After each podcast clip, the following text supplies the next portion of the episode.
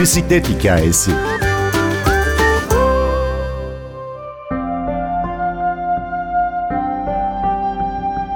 Efsane bisikletçi Ahmet Mumcu'yla 250 bin kilometrelik 80 ülkeyi kapsayan yolculuğumuzun ikinci bölümündeyiz.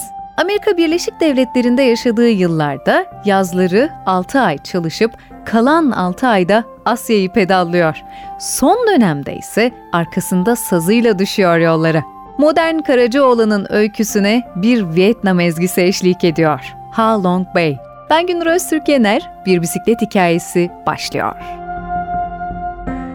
Hindistan, Nepal, Malezya, Vietnam, Moğolistan, Asya'da ne kadar ülke varsa hepsini pedallamışsınız. Peki en çok hangileri iz bıraktı sizde? Size ben şöyle anlatayım. Azerbaycan'dayım. Bir sofrada oturuyoruz. Hem de bir emniyet amiri sordu otururken masada. Dedi ki en, en sevdiğin en güzel ülke neresi deyince ben dedim ben vallahi en çok Vietnam'ı beğendim dedim. O emniyet amiri bir ayağa kalktı. Ne demek dedi Vietnam dedi. Türkiye var dedi. Azerbaycan var dedi. Bizim ülkelerimiz en güzeli dedi. Ben dedim ki ya orası tamam dedim. Üçüncü olarak dedim. Birinci dedim e, Azerbaycan, ikinci Türkiye. Vietnam üçüncü dedim de durumu öyle kurtardım. Yani favori ülkem Vietnam'dır. Onun haricinde Asya ülkelerinden mesela Çin çok zor. Ben Çin'e ta kuzeyden, Moğolistan'dan, güneyden Vietnam'a kadar geçtim. 3 ay falan sürdü yolculuk. Çok zor bir ülke. Bir de lisan filan tabii biz turistik yerlerde bulunmuyoruz. Biz hep köylerde milletin içinden gidiyoruz. Derdini anlatması insanın çok zor. Hatta ben otel bulamadığım için Orada bir İngilizce birisine dedim ki ya şu kağıda yazar mısınız? Bir ben ucuz otel arıyorum diye. Çocuk onun Çincesini yazdı. Şimdi ilk gittiğim yerde o kağıdı gösterdim. Kağıdı gösterince adam şöyle elini aldı baktı. Tamam dedi. Anladı. İyi dedim. Bu ilk adımı dedim atlattık. Gel dedi benimle gittik gittik. Ara sokaklarda bir yer böyle. İşte burası dedi. Şöyle bir tahtadan bir ufacık şeyi var, e, penceresi var. Hani ahır gibi bir de oraya bir döşek falan. İşte burası dedi otel. Elime aldım kağıdı. Eyvah dedim ben buraya ucuz otel diye yazdırdım dedim. Burayı verdiler bana. Yok dedim ben burada kalmayacağım dedim. İkinci bulduğum bir İngilizce bilene de dedim ki ya şurada ucuz yazıyor dedim. Sen bu ucuzu kaldırır mısın dedim. Ucuz olmasın dedim. Mesela Hindistan. Hindistan öyledir ki eğer içindeyseniz nefret edersiniz. Bir an önce şuradan çıkayım dersiniz. Ama geldikten sonra da o kadar renk cümbüşü. Ben mesela mutfağına hayran kaldım vejeteryan mutfağı var. İnsanları, müziği ve orada yaşanan olaylar mesela Ganj Nehri kıyısında dini törenler mükemmel bir ülke yani. Ama hijyen bakımından biraz dikkat etmeniz lazım bisikletçiliğim, turculuğum sayesinde çok güzel yerler gördüm. Bu Transsibirya trenine binmek nasip oldu bana. Tam buradan Çin'e giderken Bulgaristan, Romanya, Ukrayna oralara bisikletle gittim. Oradan sonra bir bölümü Transsibirya trenine bindim. Tam 99 saat sürüyor. Bir dakikada geç kalmıyor. Ancak indiğim yerde bir pansiyon hostel de ayırtmıştım. Gece 12'de oraya vardım. Dışarı çıktım. Baktım hava aydınlık. Hayrola ne oluyor filan derken meğerse Moskova'nın saatiyle oranın saati farklıymış. Ama istasyonların içinde bütün saatler aynı. Otele gittim dediler ki gülmeye başladılar. Siz de hep aynı hatayı yapanlardansınız. Gece geçti sabah oldu dediler. En çok Vietnam'ı sevdim dediniz. Vietnam'ı diğer ülkelerden ayıran şey ne? Ülkede hemen hemen her şey düzenli. Bir kere hırsızlık, huysuzluk, kavga falan olmuyor. Herkesin nerede oturduğu, nerede yattığı, nerede kalktığı belli. Çin de böyle mesela. Ve insanları o kadar barışçıl ki şimdi çoğu zaten benle konuşurken bu diyor batıdan gelmiş, bu Amerikalıdır gibi konuşuyorlar. Ben diyorum yok Amerikalı değilim ama siz bu Amerikalılar niye bu kadar seviyorsunuz, saygı gösteriyorsunuz? Bak adamlar size şunu şunu şunu yaptılar tarih deyince o tarihte kaldı. Biz artık önümüze bakalım diyorlar. İnsanları çok içten, çok yardımcı. Hani siz buraya bu turist gelmiş de bunun nasıl parasını alırız falan diye daha öyle bir duygular yok. Hepsi temiz insanlar. Çok güzel tecrübeler yaşadım. Ben hatta oraya 2-3 kere falan gittim.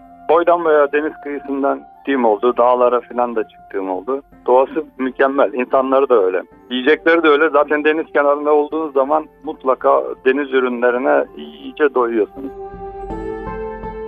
Endonezya, Sumatra'da maymunlar tarafından kovalanmışsınız.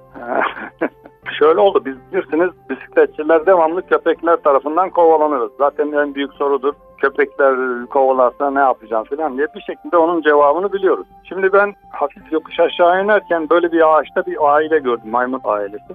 Dedim şunları bir video çekeyim de ileride arkadaşlara gösteririz. O aileden yaklaşık şöyle geçmiştim 20 metre. Arkamı dönüp videoyu çekerken iki tanesi üzerime doğru geldiler. Sanki böyle hani iplerini koparmış gibi.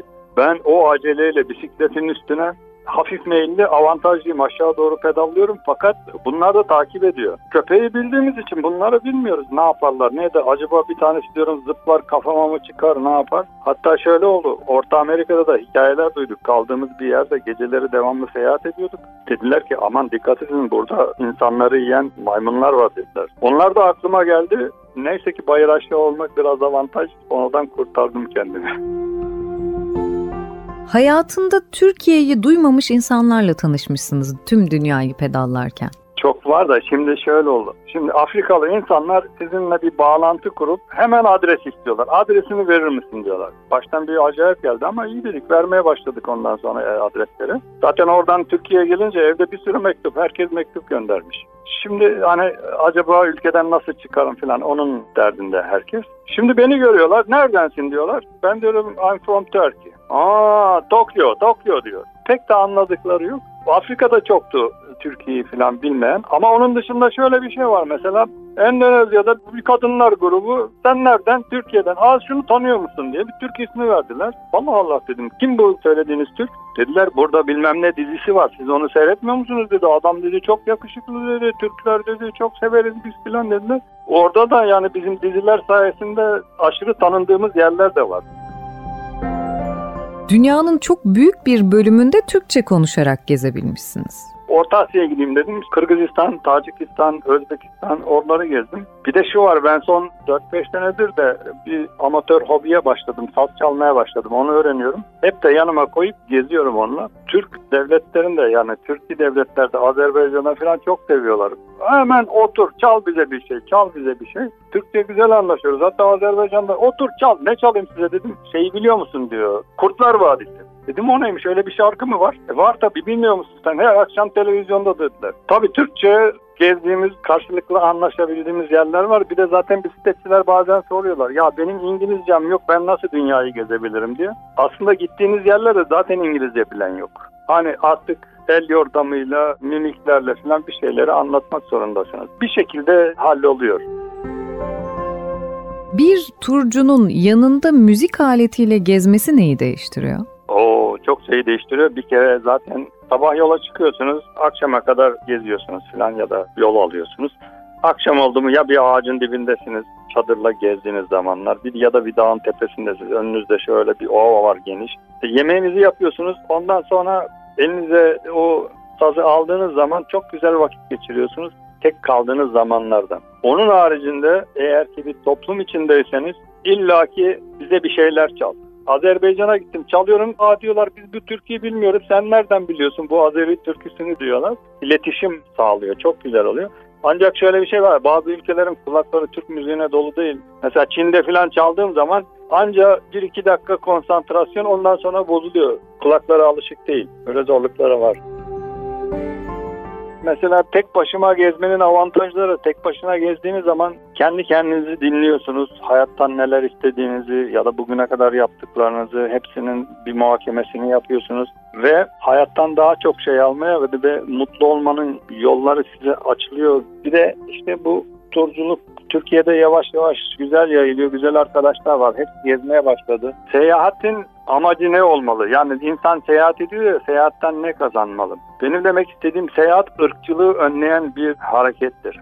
Çıkıyorsunuz, insanlarla tanışıyorsunuz, bakıyorsunuz dünya sadece televizyondaki kötü haberlerden ibaret değil. Herkes bana soruyor ya nasıl gittin oraya falan ya oralarda bir şey yok çok güzel yerler diyorum. İsterdim ki yani bütün politikada söz sahibi olan büyüklerimiz hepsinin birer yurt dışı tecrübesi olsa da dünyayı daha çabuk bir araya getirip böyle bir savaşlara mavaşlara bir son verseler. Hiç boşu boşuna kavga etmeye gerek yok. Sele üzerindeyken hayattan daha çok şey almanın ve mutlu olmanın yolları size açılıyor. Ahmet Mumcu'nun bisikletle devri alem hikayesini iki bölümde dinledik. Ben Gündür Öztürk Yener, prodüksiyonda Ersin Şişman, en barışçıl ulaşım aracının peşinden hikayeleri kovalamaya devam edeceğiz. Sizi de bekleriz.